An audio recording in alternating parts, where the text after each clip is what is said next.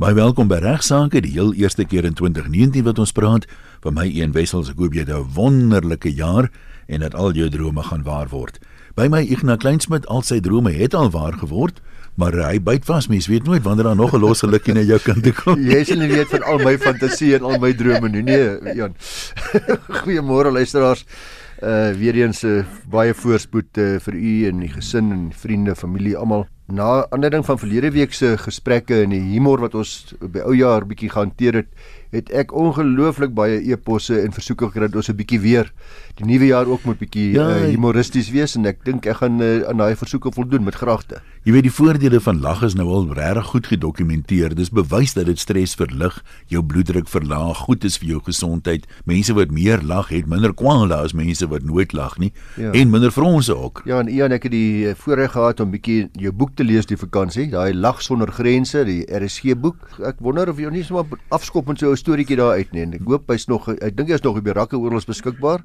Uh regtig lekker lees. Ja, daar behoort nog voorraad te wees by die meeste toonaangewende boekwinkels. As daar nie is nie, kan jy hom ook direk bestel by Lapa Uitgewers.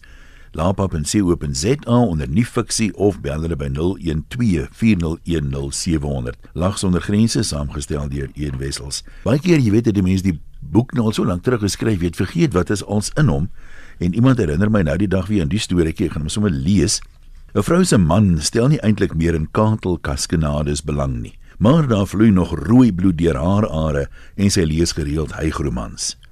Ongelukkig het sy niemand om haar fantasie mee uit te leef nie. Toe sy 60 word, pak die skuldgevoelens haar man dat hy haar so afskeep dat hy betaal vir 'n oorseese reis saam met 'n toergroep. Hy moet egter werk en kan nie saamgaan nie. Die eerste aand toe sy alleen in haar kamer is, onthou sy wat sy gelees het van al die ekstra dienste wat in Amsterdam beskikbaar is. Langs haar bed is selfs 'n pamflet met meer inligting. 'n Foto van 'n man wat homself Teddybeer noem vang haar oog. Hy het spiere op al die regte plekke, 'n kuif soos oor Le Elwesen en 'n vriendelike uitnodigende glimlag. Boonop verkies hy ouer vroue. Hy waarborg dat hy die drome sal waarmaak.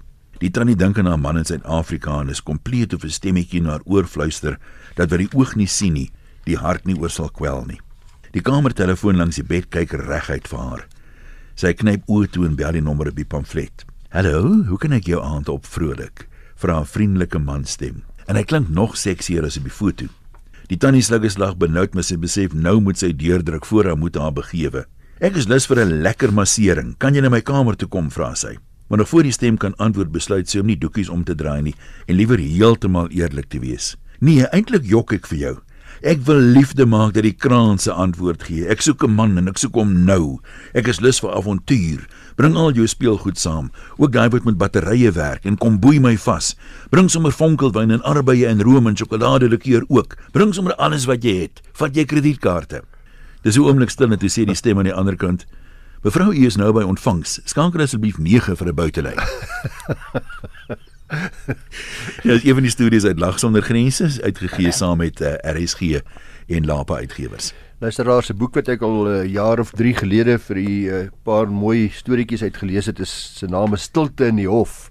Shut up, voetsek. So skree Isak Norke. Nou Isak Norke was 'n uh, bekende advokaat gewees. Hy was hy was 'n polisieman en 'n aanklaer en landros en 'n prokureur. Hy het deur alles in die reg gegaan en uiteindelik as 'n advokaat geëindig maar die oulikste boek en hy is weer in 2001 sien ek herdruk maar ek uh, kan vir u verseker is ongelukkig so skaars soos hoendertande. Maar hy vertel 'n paar pragtige stories. Onder andere is vertel hy van die ouderling wat seer gekry het op huisbesoek. Hy sê die omnifister het my eendag weer kom spreek. Een van sy ouderlinge het gekry terwyl hy met huisbesoek besig was. Ek het toe gesê ek sal hom gaan besoek in die Boksburg hospitaal. Hy het sleg gelyk. In die saal langs hom was 'n vrou. Sy het net so sleg gelyk.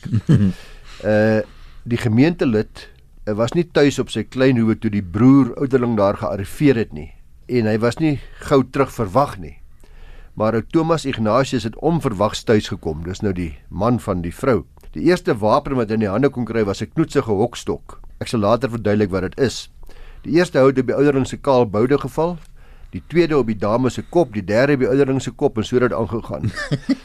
ou Thomas Ignatius of Thomas noem hom Matom het beweer dat sy vrou adultery gepleeg het dat hy demmertjies gaan eis teen my kliënt. Dit nou damages of wat? Dit damages, demmetjies. Ek het hom meegedeel dat hy van poging tot moord aangekla kan word as gevolg van die verskillende aanrandings. Nou ja, dan kan ons maar settle het hy gesê. Die saak het nooit vir die hof gedien nie. Daar was ook nie 'n skandaal in die NG gemeente nie met die ouderling nie. Want ou Tom het aangedui dat hy bereid was om te settle vir 'n kan goedkoop wyn. Uh nadermaal dit 'n mondelinge settlement was en nadermaal dat Tom nie vertrou was nie, het ek seker gemaak dat die oorhandiging gelyktydig geskied met die oorhandiging van my kliënt se broek wat hy wat hy toe nog nie wat nog by Tom se besit was by die huis was. Nou hy sê dan wat 'n hokstok is waarmee die twee oortreders toe nou geslaan was uh, deur die man.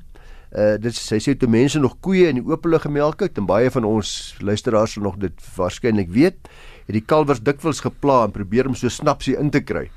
Dan het die melker hom hok geslaan met 'n hokstok mooi storie Ja, die ja. woord wie dis nou nie meer baie hoor nie. Ek dink baie jonger mense sal dink dis hokkiestok. Ja. Dan vertel hy van 'n uh, eh, wat 'n advokaat uh, Aaron Mendelow baie baie bekende advokaat van hom oor vertel het. Uh, die advokaat Mendelow het vertel dat meneer Lewine boer het bankrot gespeel, maar sy krediteure het vermoed dat hy bates weggesteek het wat baie gereeld gebeur. Daar's toe ondervraging gehou kragtens die insolventiewet en dan haal ek nou aan hoe die verkrysondervraging of ondervraging geloop het. Mendelow. Mr Levine. Last year there were still 200 head of cattle on your farm. Where are they now? Levine. They died. Mendelow. What happened to the carcasses? Levine. I buried them. Mendelow. Where? Levine. Why do you ask? Do you want to erect tombstones for them? Dis 'n ware storie daai wat so oorvertel was. Dan vertel hy ook 'n baie mooi storie van Gerrit Marits, die, uh, een van ons regterpresidente in die verre verlede. Uh dis 'n redelik bekende verhaal, maar 'n pragtige storie. Hy sê 'n ou geweldenaar met die naam Dynamite Tsabalala het een keer voor regterpresident Gerrit Marits verskyn. Uh dit was poging tot moord en dan op 'n ander keer verskyn hy weer voor hom, dan sit roof en dan weer 'n volgende keer, dan sit ernstige aandering, so gaan dit aan. Toe sê die regter vir hom: "Jy moet jou naam verander." Dan sal jy dalk ook van aard verander. Dis nou daai dynamite Shabalala. Uh dit is dit wat die regter hom nou aangeraai toe hy weer voor regter Marits verskyn op 'n soortgelyke aanklag. Toe sê die regter president vir hom: "Het jy nie gesê met jou naam verander nie?" Ja my koning het geluister. Ek is nou Dynamite Marits. ja.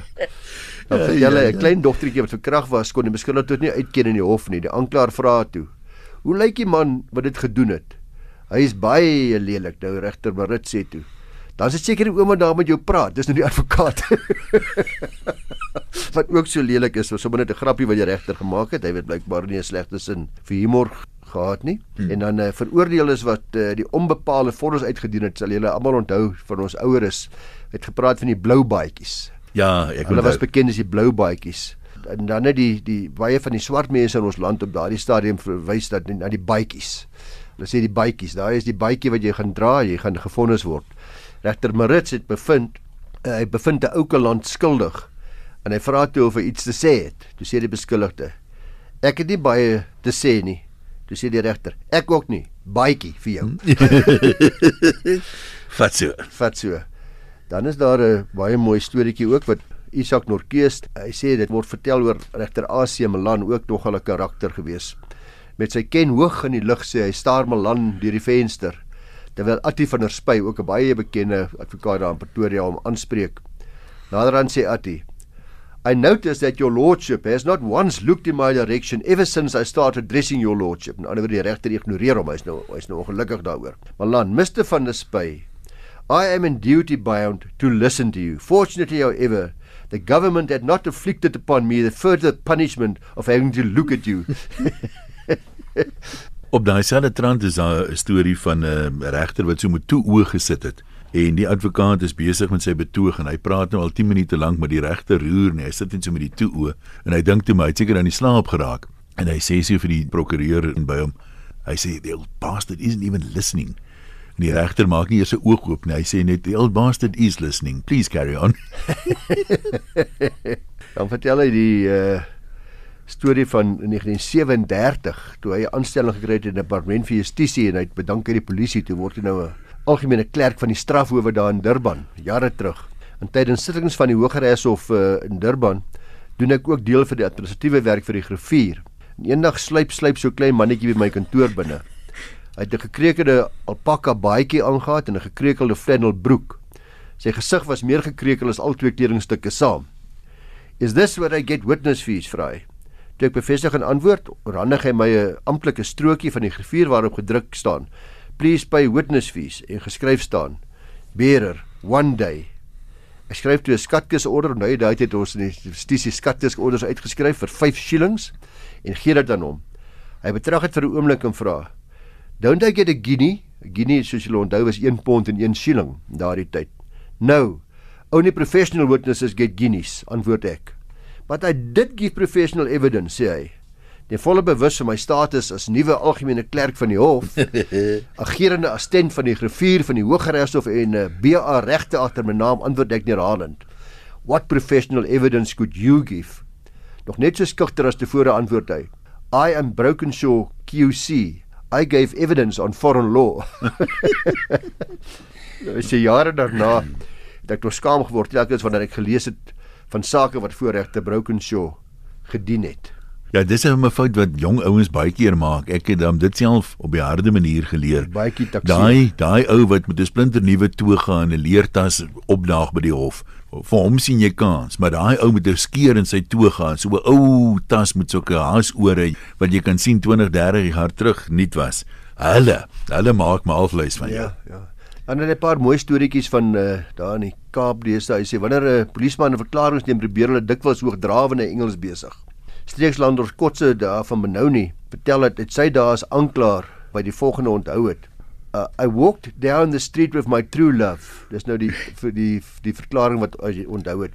We met the culprit who chased my true love away with a long gleaming knife. He then dragged me to the wide open spaces where he touched my private parts. I told him not to relate such exciting events to me. Dan uh, sê Jan was aangekla daarvan dat hy vuil taal in openbaar besig het en hy het onskuldig pleit en getuig. Ek en Piet is messelaars. Nou hier is een van daai stories wat so moeilik is om te glo, dis wat dit so snaaks maak. Hy sê ek die, hy het nie lelik gepraat nie. Ek is ek en Piet is messelaars. Ons was besig om 'n dubbele verdieping gebou te bou. Hy messel bo en ek gooi die stene op. Ek gooi een en buk om nog een op te tel. Toe val die vorige een op my kop. Al wat ek gesê het, is. Maar Piet, vir wanneer af vang jy so mis? Luisteraars eh, in Suid-Afrika was daar 'n paar ongelooflike en afstootlike voorbeelde van onmenslike, mens kan sê monsteragtige martelinge moorde van kinders. Uh oor die afgelope jaar of wat. Uh mens kan dit amper nie vir jouself indink nie. En, en Ian Bradley en Myra Hindley het 'n gevoel van groot walging en haat by die Britte ontketen. Is seker die bekendste saak het word gepraat van die vleimoorde van Brittanje in 1963. Dink hulle die verbeelding aangegryp soos seker ander moordenaars in die ja. Britse geskiedenis en vandag nog sal baie Britte vir jou daarvan vertel. En dit nou nog in die goeie ou dae ook. Ja, korrek. Nou in in in 'n bose verbond het hulle meer as 6 kinders gemartel en vermoor. Die werklike dodetal is tot vandag toe nog onbekend en is vir ewig weggesluit in die moordenaar se verhoor gedagte. Laat ons maar dink aan Verrooier en sy vrou wat ons tot vandag ook nie weet uh, waar die kinders begrawe is en wat hoeveel daar hulle uiteindelik was nie. So is maar weer een van daai waansinnige vennootskappe waarna ek ook 'n uh, eh, week wat terug verwys het. Die twee moordenaars het gewoon in Brittanje op die op die Hattersley landgoed naby Manchester. En soos ek sê die moorde is gepleeg hier vanaf Julie 1963. Brady was 'n 27 jarige winkelklerk Hitler terloops was 'n held uit op 'n sessie gehad uit en op sene fantasieë versink te oor Hitler en dan het hy hom ook uh, redelik verdrink aan goedkoop Duitse wyn sê hulle. Uh, hy was 'n Hindley weer was 'n was 'n bottelblondine gewees. 'n Tikster, sy het gedroom van ewige liefde. Sy vind dan ook hierdie onsterflikheid en hierdie immortaliteit, hierdie groot liefde saam met die man van haar drome en uh, die man met 'n vinnige meer naamlik naamlik Brady saam sê die paartjie bekend word soos ek sê as die booste van die boses. Uh, hulle is vir ewig in die regsanale in in die misdaadannale van Brittanje en eintlik van die wêreld. Uh wat die kinders wat hulle ontvoer het, het 'n afgryslike dood gesterf voordat hulle in ongemerkte graf te begrawe is. Maar dit was nie die dood was nie die eerste wat hierdie twee perverte die kinders aangedoen het nie. Hulle is geseksueel gemolesteer, hulle is gefotografeer. In die geval van een slagoffer is die gille op band opgeneem hierdie band was net 'n skokkende getuieskrif van van 'n onverklaarbare boosheid. Nou albei is ook voorbeelde van mense wat wat 'n vennootskap gesluit het om misdaad te pleeg. uh saam met hulle wat die Franse noem folie dood en prooi geval, die gekheid van wat gegenereer word tussen twee mense wat altyd verbasend is. Sy was 'n meisie wat hy kom beïndruk. Hy was die ridder vir wie sy haar siel sou verkoop. Dit was baie duidelik uit die getuienis. As mense nou hierdie storie luister, ons het in 'n vorige program gepraat van ja.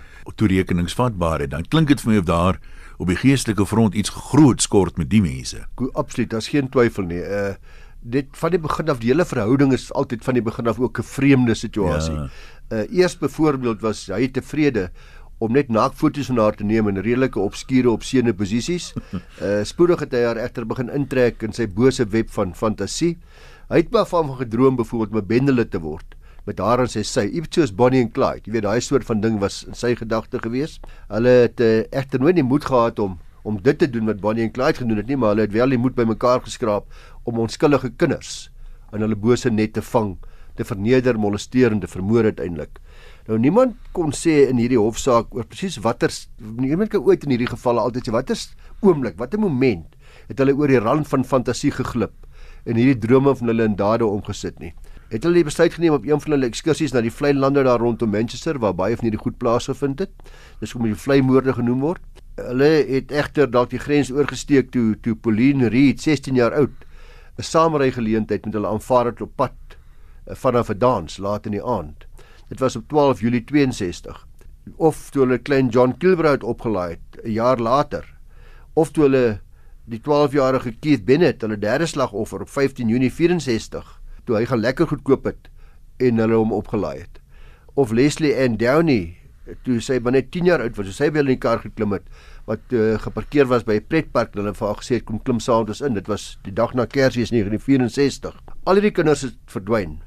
Was die gewone noodkrete, daar was plakate met die kinders se foto's op hier in Manchester, daar in die vlei wêreld, oral was dit opgeplak. Geen leidrade hoegenaamd nie. uh, Een oggend het die polisie egter oproep gekry van 'n stotterende swaar van Hindley. Hy het toevallig op uh, in Oktober 65 by hulle huis aangekom toe die 17-jarige Edward Evans met 'n byl doodgekap was. Hy het dit deur die venster gesien toevallig uh, in die pa se sitkamer. Hulle het toe sy hulp ingeroep om van die liggaam ontslae te raak. Die polisie het uh, eers gewonder maar dit klink na 'n regte storieetjie hierdie. Dit klink te wild om waar te wees. Maar tog mag 'n ondersoek instel en tot hulle groot verbasing het hulle gesien dat daar die liggaam van jong Evans daar ontdek in die huis. Brady is in hegtenis geneem en uh Indy se swaar het verder vertel dat hy uh, groot gepraat het oor 'n klomp ander mense wat in die vlei begrawe is daar by Manchester wat ook deur hulle vermoor was. Brady het 'n storie vertel van Evans wat hy in die kroeg ontmoet het en huis toe gebring het. Hulle het begin gestry en hy het ongelukkig ook Evans se dood veroorsaak. Nou die polisie was in hierdie tyd baie bekommerd oor die storie van die ander moorde. Hulle het stadig maar seker daarna begin kyk en hulle het die huis ondersoek en skryfblokke gekry met name en tekeninge en graffiti uh met hierdie name van vermiste kinders op. Sommige van die name het 'n klokkie gelei. Ook heelwat pornografiese foto's daar ontdek. Brady het aangehou speletjies te speel, het allerlei nou storieetjies gehad. Hy hy sê hy het net groot gepraat, hy wou sy eie beeld net blaas en die soort van dinge. Hy het gesê daar's geen verdere liggame nie en uh polisie het toe die fotos gevat en uh uiteindelik dat die vlei gaan besoek en gaan deursoek daar net langs Manchester en daar ongemerkte grafte van kinders ontdek. Uh in Henley se Bybel het hulle sleutel gevind vir 'n sluitkas by die stasie. En in daai sluitkas vind hulle verdere boeke pornografiese boeke, ammunisie, pruike, opnamebande en fotos en onder andere fotos van 'n klein dogtertjie van haar oë wat uitbult in doodsangs. Yes. Uh naak behalwe vir die sokkies en die skoene en vasgebind gemuilbald. Hulle sê dat 'n uh, eh, geharde polisie manne traan hulle oë gehad terwyl hulle na die fotos van hierdie dogtertjie gekyk het. Dit was blykbaar regtig erg geweest en daar's later nog lyke ontdek. Die Britte was regtig woedend. In Brittanje het dit 'n groot uh, aandag getrek in die media. Die verhoor het die aandag van die publiek vasgevang. Hulle pleit albei onskuldig. Hulle het 'n redelike windmakerige en arrogante houding in die hof geopenbaar. Dit veral het nog die huid die nait van uh, van die publiek vir hulle op die hals gehaal.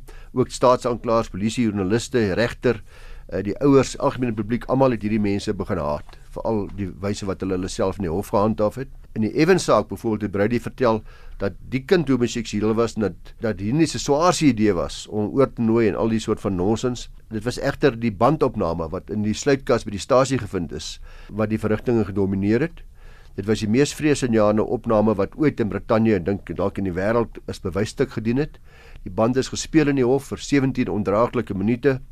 Die hof het in geskokte afgryse en ongeloof geluister na 'n klein dogtertjie wat smeek 'n soebat vir haar lewe omdat sy graag haar mamma wil hê. Nou ja, dit was duidelik hulle is skuldig, hulle is ook skuldig bevind uh in lewenslang tronk toegesteem. Stuur, hulle is geneem na aparte tronke toe. Dis in Mei 66. Hulle sou mekaar nooit weer sien nie. Nou Myra Hindley was nog al 'n modelgevangene sê hulle. Sy het verder studeer in die tronk. Uh sy het bekeer geraak daar, blykbaar op regte bekering en baie mense het begin dink dat sy gerehabiliteer is en verdien om vrygelaat te word. Dit was ook weer 'n heel nuwe debat uh vir haar vrylating of sy reël vrygelaat moes word, maar Brady aan die ander kant het al dieper en dieper in waansin weggesak terwyl hy in die tronk was. Hy het hoor gekom van die pogings dat Hindley vrygelaat gaan word dalk omdat sy so kamstig model gevangene is en bekeer is ensovoorts. Dit was uh, al in 86 gewees toe hulle al 20 jaar in die gevangenis is en hy het toe sy stilswye verbreek. Hy het toe nog feite bekend gemaak oor nog 'n paar moorde om te verseker dat sy nie kan Nou natuurlik eh, sy het toe geen keuse gehad om ook daai moorde te beken nie en uh, veral toe die liggame toe ontdek is wat hy genoem het en dit het natuurlik haar poging om vroeg vrygelaat te word ernstig in die wiele gery. Kan nie mens so afgunstig wees op ja, iemand ja, anders. Ja. Maar in elk geval uh dit word gesê dat sy haar lot aanvaar het en naby berus het dat hulle albei tot by hulle dood waarskynlik in gevangehouding sou wees. Dis nogal iets wat ons miskien in die jaar uh, met 'n kundige oor kan gesels is die kwessie van rehabilitasie ja. want ek dink die gemiddelde lid van die publiek is maar bietjie skepties daaroor, jy weet. Uh meeste mense die ou weet kom uit die tronk en jy hoor gereeld dan word binnekort pleeg hy weer 'n misdaad. Dit is interessant wees om te hoor van ware gevalle waar iemand wel afgesien het van sy weet en homself omvorm het tot 'n volwaardige burger en ek meen net die, die al doen jy dit Dis so moeilik vir daai mense om weer werk te kry. Dit is geweldig moeilik om vrygelaat te word en 'n normale dan nou in aandelingstekens lewe te voer, want daai etiket hang maar om jou nek sê almal. Ja, dis 'n goeie idee. Miskien moet ons ons luisteraars vra vir al die wat in universiteite gebonde is om dalk vir ons die naam te gee van 'n kriminoloog of wat 'n kriminoloog wat dalk vir ons sosioloog, ek weet nie regtig wat die vak is. Waarskynlik 'n kriminoloog wat vir ons bietjie hiermee kan vir interessante inligting kan kom deel met ons. Ja, jy kan vir ons eh, stuur sommer direk vir Ignas, jy ander vrae het oor uh, wat jy hê ons moet behandel in die program ook igna by ffd.co.za. Igna ons het nou net so 2 minute oor dat jy 'n kort stukkie humor of iets ja, dan kom al hierdie ons, dinge mee. Kom ons kyk nog na 'n mooi ou stukkie oor tolke wat in die boek uh, Stilte in die Hof Shut Up Voetsek van Isak Norke voorkom. Uh hy sê in Benoni het 'n ou tolk oom Tom Duwies in Engels, Afrikaans en 'n paar swart tale die nodige gedoen. Hy was 'n gebore Walliser van huis Afrikaanstalig en van aard beslis 'n uur. Eendag vra die landros aan 'n beskuldigde wat getuig 'n eenvoudige vraag. Daar vind toe 'n lang gesprek in hierdie swart taal plaas tussen hom en nou Tom, tussen die tolk en Tom. Uh naderhand sê die landros: "Nee, die tolk, wat sê die beskuldigde?" Nou Tom die tolk sê: "Niks heel agbaar, hy staan sommer net en lieg." Dan in 'n ander saak waar die beskuldigde Afrikaanssprekend was, het die staatsgetuies mekaar baie weerspreek. Aan die einde van die staatssaak begin die landros met sy opsomming en verwys een na die ander op die teenstrydighede. Toe sê hy: The prosecutor prosecution called its last witness 1x. This witness made more confusion, more confounded. Oom Tom Tolk. Hierdie getuie het die saak nou werklik behoorlik opgebogger. ek onthou nou skielik die ding, die storie was in genade edelagbare ook in Amerika, jy weet only in America wat dit seker kan gebeur, van 'n ou wat 'n bordeel wou oopmaak, maar baie naby aan 'n kerk. En die kerkmense is totaal gekant daarteen en hulle begin toe bid dat dit nou verhoed moet word dat die bordeel nou moet oopmaak. Weet nie presies wat die inhoud van hulle gebede is nie, maar mens moet nie in die konteks sê soos die duiwel dit wil hê nie, maar die weerlig slaan toe die bordeel raak en die plek brand af. En hierdie ou het geweet van hierdie gebedsketting van hulle en hy gaan toe hof toe en hy stel 'n eis vir skadevergoeding teen hulle in omdat hulle met die krag van hulle gebede veroorsaak het dat hy nou skade gelei het. En natuurlik by die kerk nie betaal nie, hulle ontken dit heftig. En dit die storie nou in die hof kom, toe sê die voorsittende beampte, dis nou die een van die interessantste sake van sy lewe. Hy sê want ons het nou hier te doen met 'n kerk wat oënskynlik nie glo in die krag van gebed nie en 'n klaar wat dit wel doen. Eienaar van 'n bordeel wat wel glo in die krag van gebed. Okay, ek dink nie ons gaan meer tyd hê nie. Die adres is ons gesê het as jy vir Ignas wil vra stuur om te bespreek in die program, ignas@ffd.co.za. Onthou al die programme van regsaake is ook as potgoeie beskikbaar op rsg.co.za.